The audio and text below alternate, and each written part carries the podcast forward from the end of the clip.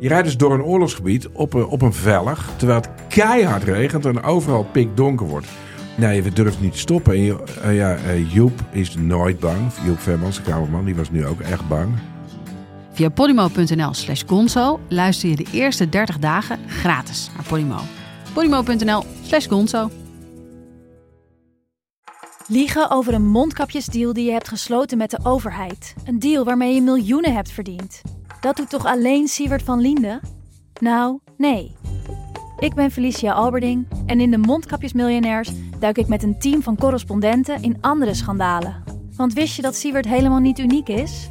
Luister de Mondkapjesmiljonairs in je Podimo-app. Of ga naar podimo.nl slash mondkapjes. En probeer Podimo 30 dagen.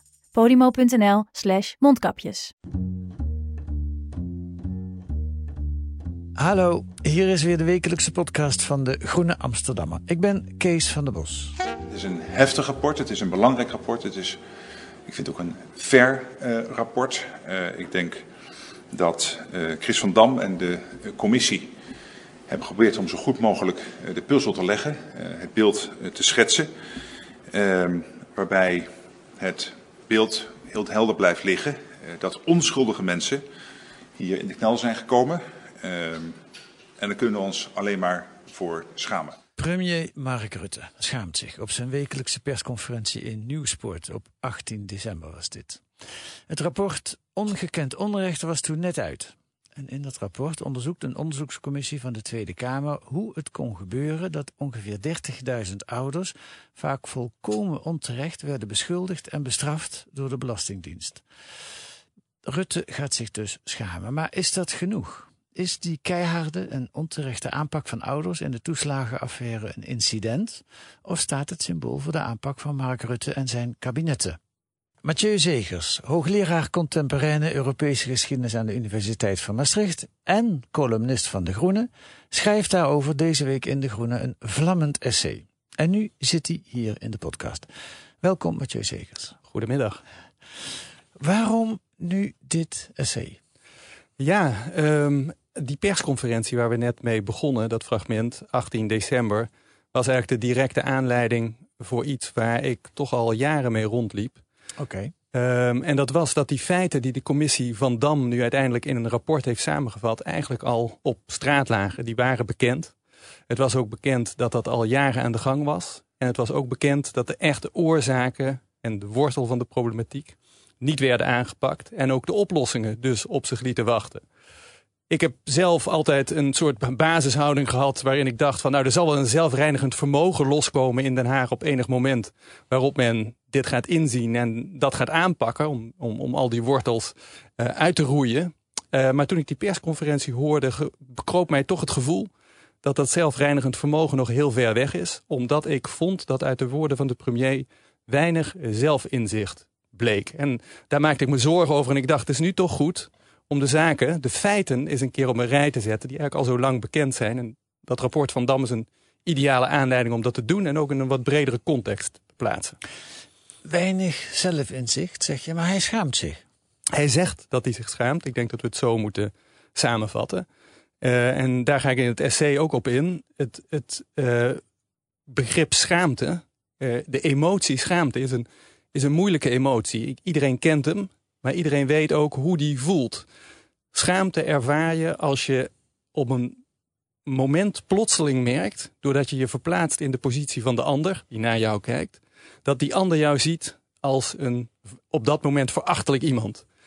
Dat ervaar je op dat moment. En omdat je dat ineens voelt, wil je dan het liefst verdwijnen. Dus eh, schaamte is een emotie die heel diep gaat en die je meteen heel erg kwetsbaar maakt. En als je zoiets uitspreekt, dan moet die emotie als het ware voelbaar zijn voor degene tegen wie je dat zegt. En ehm, ik denk dat er wordt veel vergeleken. Moet Rutte nou doen wat Wim Kok deed na het Srebrenica-rapport? Nou, ik denk dat dat op allerlei redenen een manke vergelijking is. Maar er zit wel een heel interessante parallel tussen beiden. Want Wim Kok die schaamde zich toen voor het rapport over Srebrenica. En toen hij zijn woorden uitsprak, kwamen er eigenlijk heel weinig woorden. Er was een beetje gestamel. Hij moest zelfs een traan wegpinken. En op dat moment was zijn schaamte van een veel geloofwaardigere orde dan de schaamte die Rutte beleed in deze persconferentie. Want daar, daarop volgde allerlei gebabbel over mogelijke volgende stapjes, stap voor stap, afpellen van problemen. En vervolgens ging hij een paar dagen later ook nog vrolijk in Linda's wintermaand zitten bij Talpa TV om het, het geheel nog wat verder te bedekken onder gebabbel. Dan wordt die schaamte toch uh, wat minder oprecht. Handige schaamte meer. Ja, dus ik zou zeggen, kort samengevat, sorry zeggen is niet hetzelfde als je schamen. En deze schaamtebeleidenis leek wel erg veel op sorry zeggen. Dus te zwak. Nou is net vandaag bekend geworden, dat heb je vast ook gehoord, dat uh, Lodewijk Asscher ja. terugtreedt als uh, partijleider uh, van de Partij van de Arbeid. dramatische beslissing, zo vlak voor de verkiezingen. Er is ook niet zo 1, 2, 3 iemand anders. Maar als je echt ergens je voor schaamt, dan heb je daar misschien ook niet voor de gevolgen meteen oog. Dan neem je gewoon zo'n ja. beslissing. Uh, ja, ik weet niet of jij dat kunt beoordelen, maar is zijn schaamte oprechter dan die van Rutte, denk je? Um, het is in ieder geval een, een impactvolle stap, zoals jij het ook omschrijft. Zo zie ik het ook. Het is wel op het aller, allerlaatst mogelijke moment. Namelijk één dag voor de beslissende ministerraad.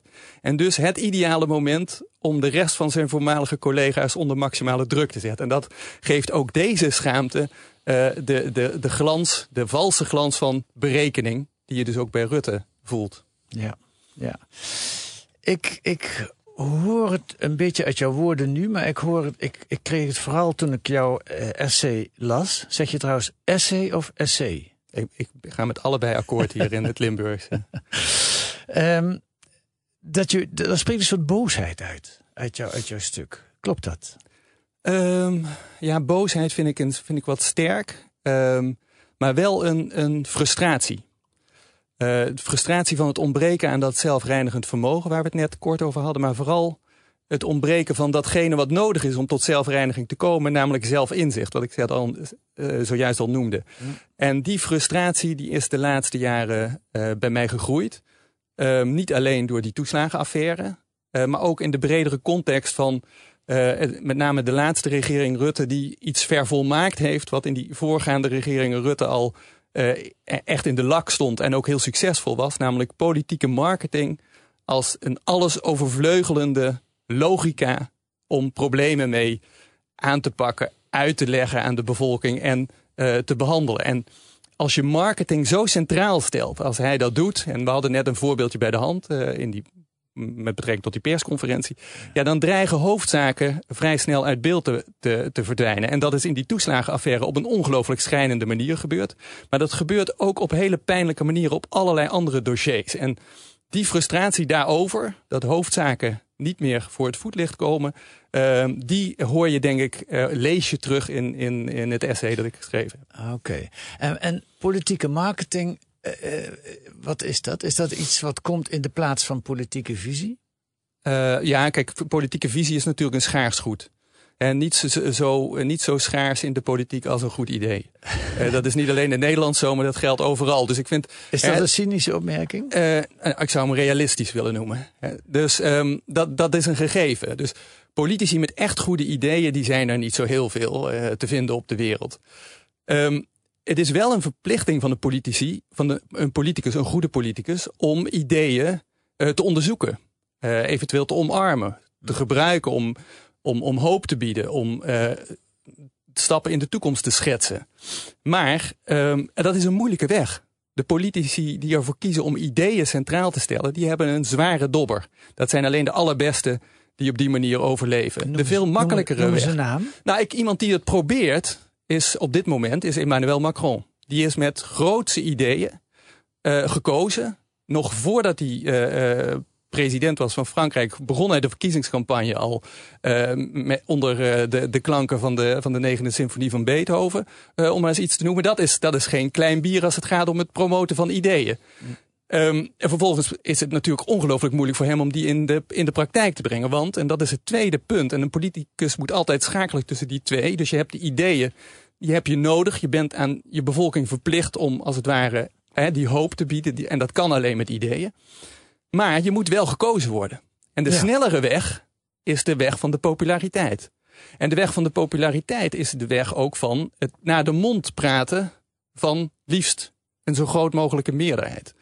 En daar zit de spanning uh, bij Rutte heel erg.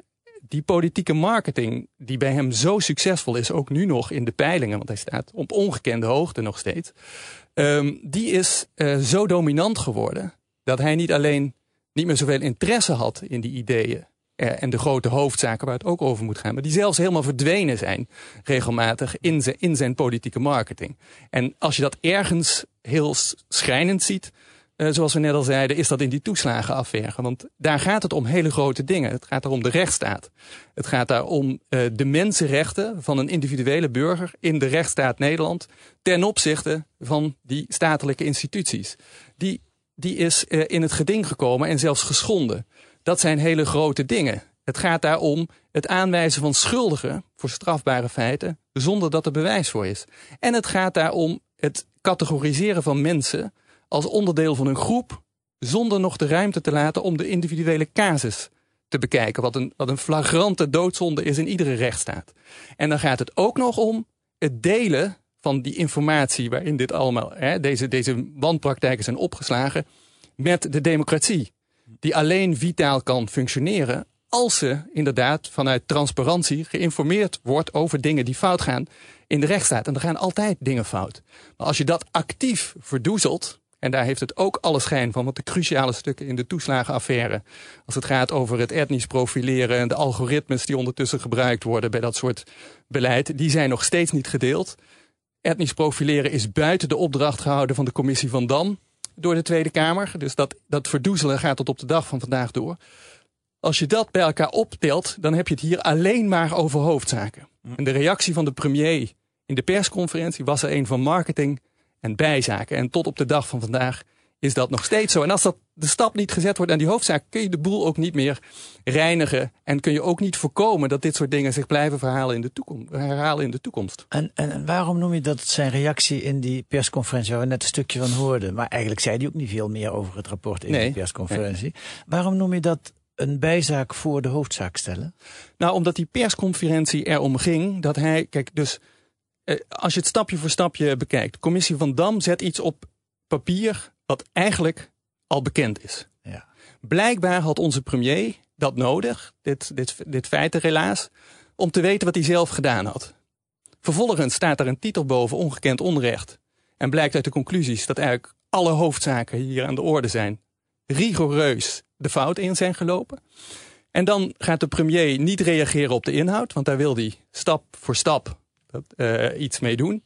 Maar dan zegt hij, ik schaam me, hier, hier kunnen we, ik gebruikte die niet, hier kunnen we ons alleen maar voor schamen. Waarmee hij wilde zeggen, nou ik heb nu een groot woord gebruikt om aan te geven dat ik het, uh, dat ik het rapport serieus wil nemen. En ik wil het rapport recht doen. Dat zei hij ook. Mm. Nou, het recht doen van het rapport kan alleen maar door die hoofdzaken nu verder te onderzoeken. Wat is hier fout gegaan? Welke dingen zijn er buiten gebleven buiten dit onderzoek? De etnische profilering. Hoe uh, ga ik wel die stukken delen die ik tot op de dag van vandaag achterhoud? Over dat alles helemaal niets uh, tot op heden. Er schijnt nu een, een grote inhoudelijke reactie te komen. Uh, maar de berekening die daar weer achter zit, ja, die zorgt ervoor dat je niet anders kunt concluderen dan dat de marketing van hoe managen we in het beeldvorming nou dit rapport zonder dat we er echt de allerzwaarste consequenties aan moeten verbinden? Want wij, wij en ik voorop, premier, ben lijsttrekker in de aankomende verkiezingen en wil dat ook blijven en wil ook weer premier worden. Ja. Ja, dat heeft de absolute overhand, dat ziet iedereen. Hij is, hij is toch weer vooral met zichzelf bezig eigenlijk. Ja. ja. Nou zeg je, er is opgeschreven in het rapport wat, wat we allemaal al wisten en wat we eigenlijk, wat Rutte ook eigenlijk in elk geval had moeten weten. Dankzij het rapport weten we op zijn minst wel een aantal nieuwe woorden. Uh, eentje daarvan was oerwoud tamtam. Dat, en ik heb uh, begrepen dat dat gebezigd is in een vergadering van ambtenaren waar jij bij was. Toen in functie van adviseur, denk ik, van het ministerie van Sociale Zaken. Nou, ik, ik heb als Rijksambtenaar gewerkt bij het ministerie van Sociale Zaken. Dat was mijn eerste baan. Ja. Ik moet hier wel even een kleine correctie aanbrengen. Want uh, dat woord, uh, oerwoud tamtam, staat niet in het rapport. Oh, dat, dat, is, uh, dat komt uit mijn eigen bronnen. Oké. Okay. Ik verwijs heel graag naar het Twitter-account van de RTL-journalist Pieter Klein voor een overzicht van alle dingen die in het rapport staan op dit punt. Maar vooral voor de dingen die er niet in staan. Maar wel staan in de stukken die nu langzaam druppelsgewijs toch vrijgegeven worden. Die gaan over oerwoudtamtam, die gaan over zwartjes en al dat soort dingen meer. In correspondentie tussen ambtenaren. Wat ik hier heb willen aangeven, weliswaar op een indirecte manier, in het essay is dat ik bekend ben uh, met deze terminologie en ook primaire bronnen heb die dat onderschrijven. Ja. Nu is er natuurlijk niet iets waarvan je zou zeggen van nou dat, uh, behalve dat het schokkend is als je dat hoort, tenminste dat geldt voor mij persoonlijk, is het niet iets waarvan je kunt zeggen nou dat had ik nou niet verwacht dat dat helemaal niet zou voorkomen. En dan komen we op dat zelfreinigend vermogen. Ik heb, me dat, ik heb dat altijd met me meegedragen. Ik vond het een heel ongemakkelijke waarheid. Maar ik heb altijd gedacht, uh, de ambtenarij is net de wereld.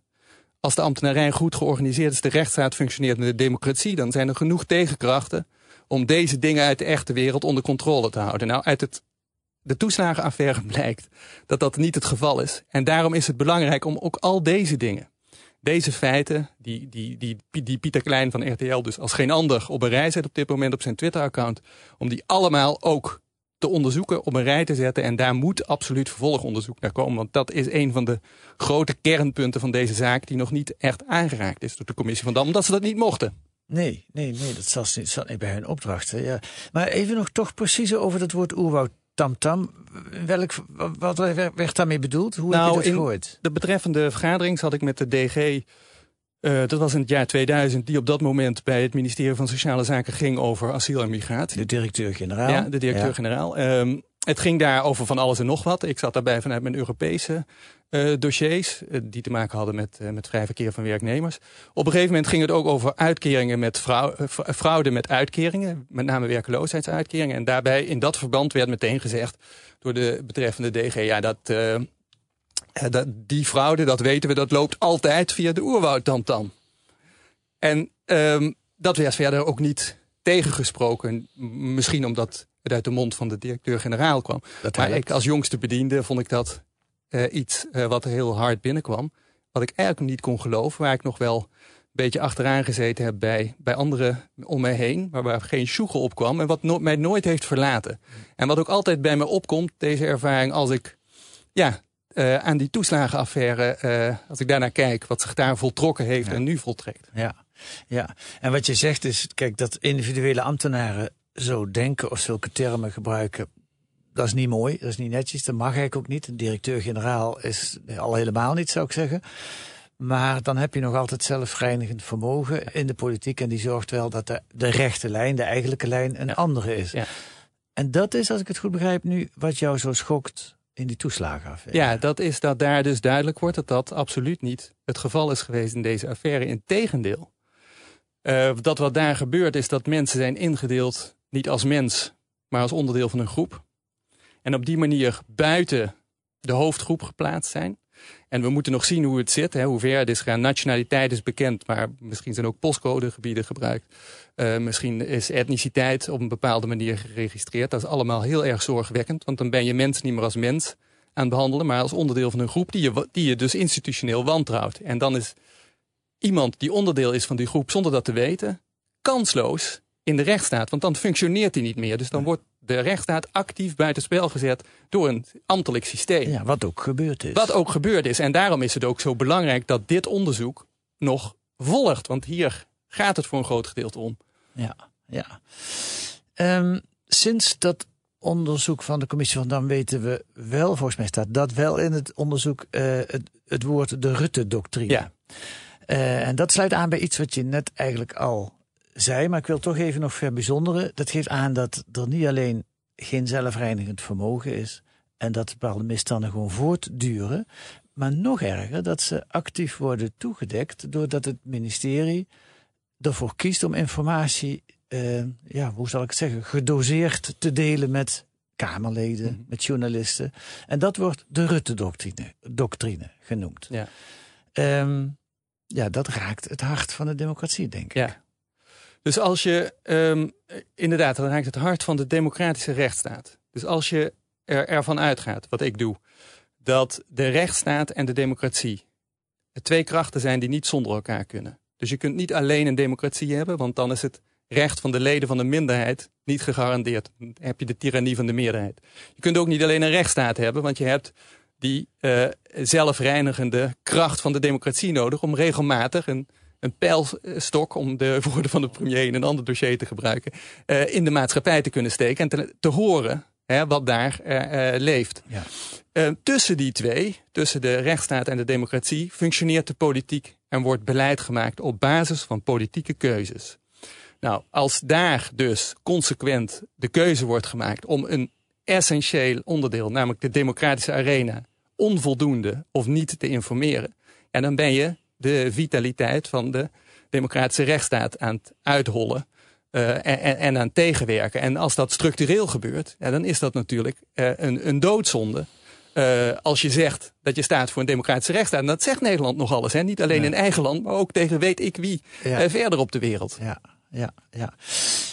Um, het grote wonder is, en nu maak ik een, een stap, uh, dat dat politiek niet wordt afgerekend. Ik bedoel, uh, dat zei je net ook al, Rutte staat uh, onpeilbaar hoog in de peilingen. Ja. Um, wat zegt dat over ons?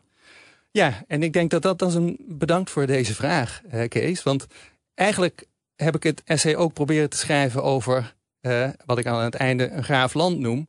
En dat zijn wij zelf. Kijk, Rutte kun je van alles verwijten, maar ook niet de hele schuld geven. Mm. Hij is tien jaar lang waanzinnig populair geweest. En dat heeft dus ook heel veel met ons te maken.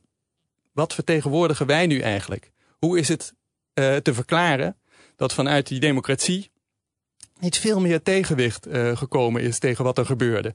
Niet vanuit onszelf in ons stemgedrag, maar ook niet vanuit de Tweede Kamer. Want die heeft tot op grote hoogte dit allemaal gesteund. Zelfs nog hè, die, die etnische profilering buiten de onderzoeksopdracht gehouden, om maar eens iets te noemen, tot op het laatste moment. Terwijl er, als ik zo mag onderbreken en misschien aanvullen, er om ons heen van alles in duigen valt en fout gaat. Op de woningmarkt, op de onderwijsmarkt. Het, het, het, het, het kleiner worden van de staat en eigenlijk het, het slechter worden van de staat is alomtegenwoordig. Ja. Ja, en dus een, en de totale desinteresse voor de uitvoering. Ja. Anders dan een begrotingspost, want zo ziet men het in de politiek. Hoeveel kost het? Wat levert het op?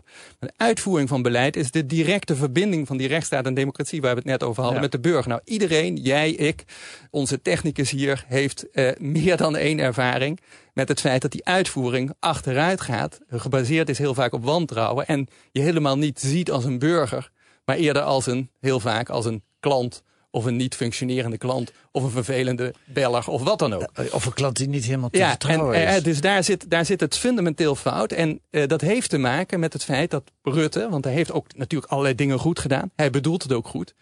Een merk is geworden. Hij is langzaam een merk geworden. En dat merk is zo sterk dat alle anderen om hem heen eigenlijk willen weten hoe word je zo'n merk. En dus zie je ook in het huidige kabinet de echte uh, ja, de, de, de mannen die eraan komen, of die eraan willen komen, of het nu Hugo de Jonge is, of, of dat het nou Wopke Hoekstra is, of zelfs uh, Lodewijk Asscher.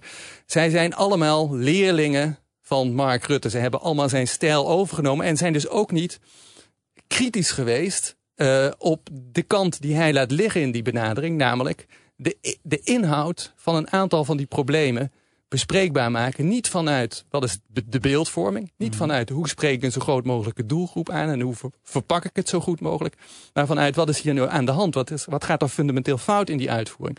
In hoeverre ligt dat aan onze benadering? Zijn wij niet te zeer gericht op administratieve organisatie in plaats van op de rechtsstaat? Letten wij wel genoeg op transparantie in plaats van allerlei targets die we onszelf stellen in de begroting?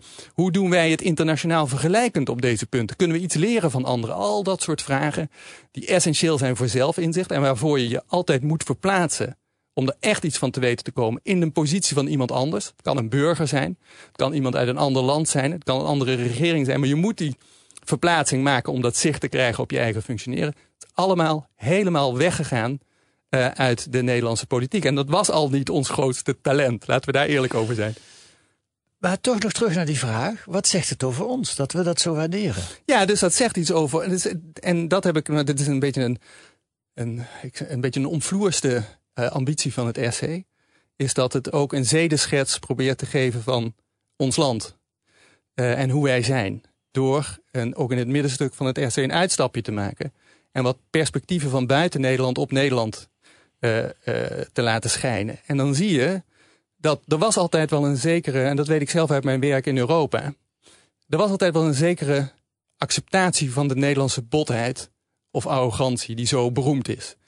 omdat men zei, met name in Noordwest-Europa, een land als Duitsland bijvoorbeeld, maar ook in Scandinavië, ja, die Nederlanders die zijn misschien behorken, maar misschien ook niet helemaal onterecht, want ze hebben de zaak goed op orde. We kunnen veel van ze leren. Ze hebben een efficiënte, goed werkende overheid. Ze hebben veel vertrouwen bij de burgers als het gaat om de instituties van de Nederlandse staat. Ze hebben een degelijk ministerie van Financiën, vergeet dat niet. Misschien wel het beste ministerie van Financiën van Europa. Al dat soort dingen uh, waren ook feiten. En daarom werd die Nederlandse botheid vaak uh, geaccepteerd. Tot de laatste jaren, waarin men eigenlijk zelfs in Duitsland steeds meer is gaan zeggen uh, Nederland is niet alleen bot. Uh, het is ook zo dat die basis, waar wij altijd die botheid op, eh, mee konden accepteren, die, die Hollandse basis van degelijkheid, noem het maar zo, dat die er niet meer is. Dus die botheid is alleen nog maar botheid. Er zit steeds minder echte, harde prestatie achter. En dat blijkt op allerlei punten. Of het nu gaat om de Nederlandse opstelling uh, met betrekking tot belastingharmonisatie in Europa. Nou, we kennen allemaal de verhalen over de Zuidas, het belastingparadijs dat Nederland is. Of het nu gaat om uh, de manier waarop Nederland Duitsland niet steunt in het, in het opvangen van vluchtelingen. Uh, of het nu gaat op de manier waarop Nederland als een, als een zedemeester door Europa loopt om anderen de maat te nemen als het gaat om uh, huishouddegelijkheid en begrotingsboekjes, terwijl dat zelf uh, Nederland die begroting dus op een bepaalde manier ook heel erg dubieus uh, in elkaar steekt. Uh, als het nu gaat om de klimaatambities die met de mond beleden worden, maar niet waargemaakt worden in de daden. En ga zo maar door. Die feiten vullen weinig pagina's in de Nederlandse pers, maar zijn daarmee natuurlijk niet minder bekend in Europa. En wat je nu ziet, en dat heb ik geciteerd in het essay, is dat een, een krant als de Frankfurter Allgemeine Zeitung is de allerbelangrijkste uh, conservatief-liberale krant van continentaal Europa. Sinds jaar en dag. En nu helemaal, nu de Britten uit de Europese Unie zijn gegaan. Dat is niet alleen de belangrijkste uh, conservatief-liberale krant van Europa. Het is ook de allerbelangrijkste krant dus daarom voor deze Nederlandse regering. Die gaf een overzicht van het politieke jaar in Europa 2020 uh, afgelopen december. Daar stond heel veel in. Ik raad het iedereen aan om het nog een keer te lezen. Maar daar stond op een gegeven moment ook in naar wat, uh, wat lof voor Merkel, heel terecht. Want zij heeft uh, niet alleen het corona-herstelfonds op, op poten gezet en heel Europa overeind gehouden, maar ook de Duits voorzitterschap in de tweede helft van 2020 tot een succes gemaakt. Stond daar, ja, wat nu als Angela Merkel, want die gaat komend jaar vertrekken, weg is. Wie gaat Wie komt dan in Europa op voor haar legacy, zal ik maar zeggen. En dan staat er een volgend zinnetje. Dat zullen in ieder geval niet de twee volgende zijn als het gaat om dienstjaren als premier. Orbán en Rutte. En dat is een ongelooflijk pijnlijke zin in de FAZ. Niet alleen omdat Orbán en Rutte op één lijn gezet worden hier, niet toevallig. Ook omdat Rutte wordt afgeserveerd als iemand die dit zou kunnen. Maar vooral omdat er gesuggereerd wordt dat het allebei opportunisten zijn. En dat is wel iets wat de laatste twee jaar, drie jaar onder Rutte is weggegeven. En wat in een zekere zin met eenzelfde soort uh, dynamiek te maken heeft als er speelt in die toeslagenaffaire. Namelijk de totale desinteresse van de regering Rutte om zich te verplaatsen in de positie van een ander. En daardoor dus niet in staat meer zijnde om vanuit die positie van de ander te zien wat je eigen zwakheden zijn. En daardoor door te draven in een zeer succesvolle marketingstrategie, die wel dus langzamerhand heel veel collateral damage aan het veroorzaken is. Niet alleen in de Nederlandse rechtsstaat en democratie, maar ook in de internationale reputatie van Nederland. Ook als het gaat om, om dit soort dingen. Positie in Europa en de rechtsstaat van Nederland in Europa. Lees dat essay, kan ik alleen maar zeggen. Uh, overigens die titel, Chroniek van een jeune premier. Uh, zo jong is hij, de goede man is al in de vijftig. Hey, ja, ja, maar toch is hij een jeune premier. Zo wordt hij algemeen gezien in Europa. Hij is nog altijd, zo afficheert hij zich ook. Dus als hij weer naar een marathonvergadering gaat in Brussel, is hij altijd fit. Heeft hij altijd een appeltje bij de hand of een boek dat hij niet leest. Hij is goed lachs. He, he, he, altijd ge, geknipt en, en, en geschoren. Um, dus hij heeft die uitstraling van een frisse jonge premier altijd gehouden, ook in eigen land. Uh, maar jeune premier heeft een dubbele betekenis. Uh, jeune premier is ook een het komt uit de toneelwereld, is een, een mannelijke minnaar. Eigenlijk de eerste onder de mannelijke minnaars. Um, in een, in een liefdesintrige. En uh, dat klopt ook wel aardig, omdat wij hebben natuurlijk een liefdesaffaire, wij als land, nu al tien jaar met deze jeune premier. En de, de vonkers patten er nog steeds van af. Kijk naar de peilingen. En dat is ook iets wat ik wilde aangeven. Kijk, die liefdesaffaire, dat is één ding. Maar er is ook nog zoiets als een chroniek van de jeune premier. En dat is eigenlijk het op een rij zetten van wat zijn nu de feiten van deze liefdesaffaire van dit gave land met die jeune premier. Eh, en daar heb ik een begin mee proberen te maken. En daarom chroniek van een jeune premier. En die feiten zijn dus, als we naar deze twee zaken kijken... het, Europese bredere perspectief, maar vooral die toeslagenaffaire... zijn die feiten pijnlijk. Over de dans van een gaaf land met een jeune premier. Mathieu Segers, dankjewel voor dit gesprek. Graag gedaan. Mensen die meer Mathieu Segers willen horen, dat kan in podcast Café Europa. Eh, te vinden in uw podcast-app en natuurlijk in zijn columns in De Groene.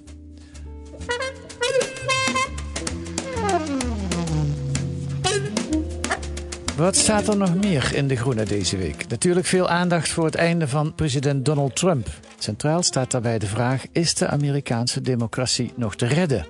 Groene correspondent Casper Thomas bijvoorbeeld stelt in zijn analyse dat dit zeker mogelijk is, maar dan moet wel het hele stelsel zich tegen Trump en zijn getrouwen keren. Nou, en een onderzoek naar de praktijken van de omscholingsmonopolist NCOI. NCOI. Docenten zijn uitgeknepen, freelancers en studenten klagen over extra kosten voor begeleiding, feedback en herkansingen. Dat en meer te lezen met een abonnement deze week in De Groene of een proefabonnement. Ga dan naar groene.nl, dan leest u hoe u 10 weken De Groene kunt krijgen voor 15 euro. Groene.nl. Wilt u reageren op deze podcast? Dat kan op podcast.groene.nl. U kunt ons ook sterren geven in uw podcast-app of een korte recensie schrijven. Volgende week zijn wij er weer met analyses en achtergronden bij het nieuws in deze podcast van de Groene Amsterdammer. Die deze week werd gemaakt door Abel Bormans en Kees van Bos. En de muziek is A Tune for N van Paul van Kemenade.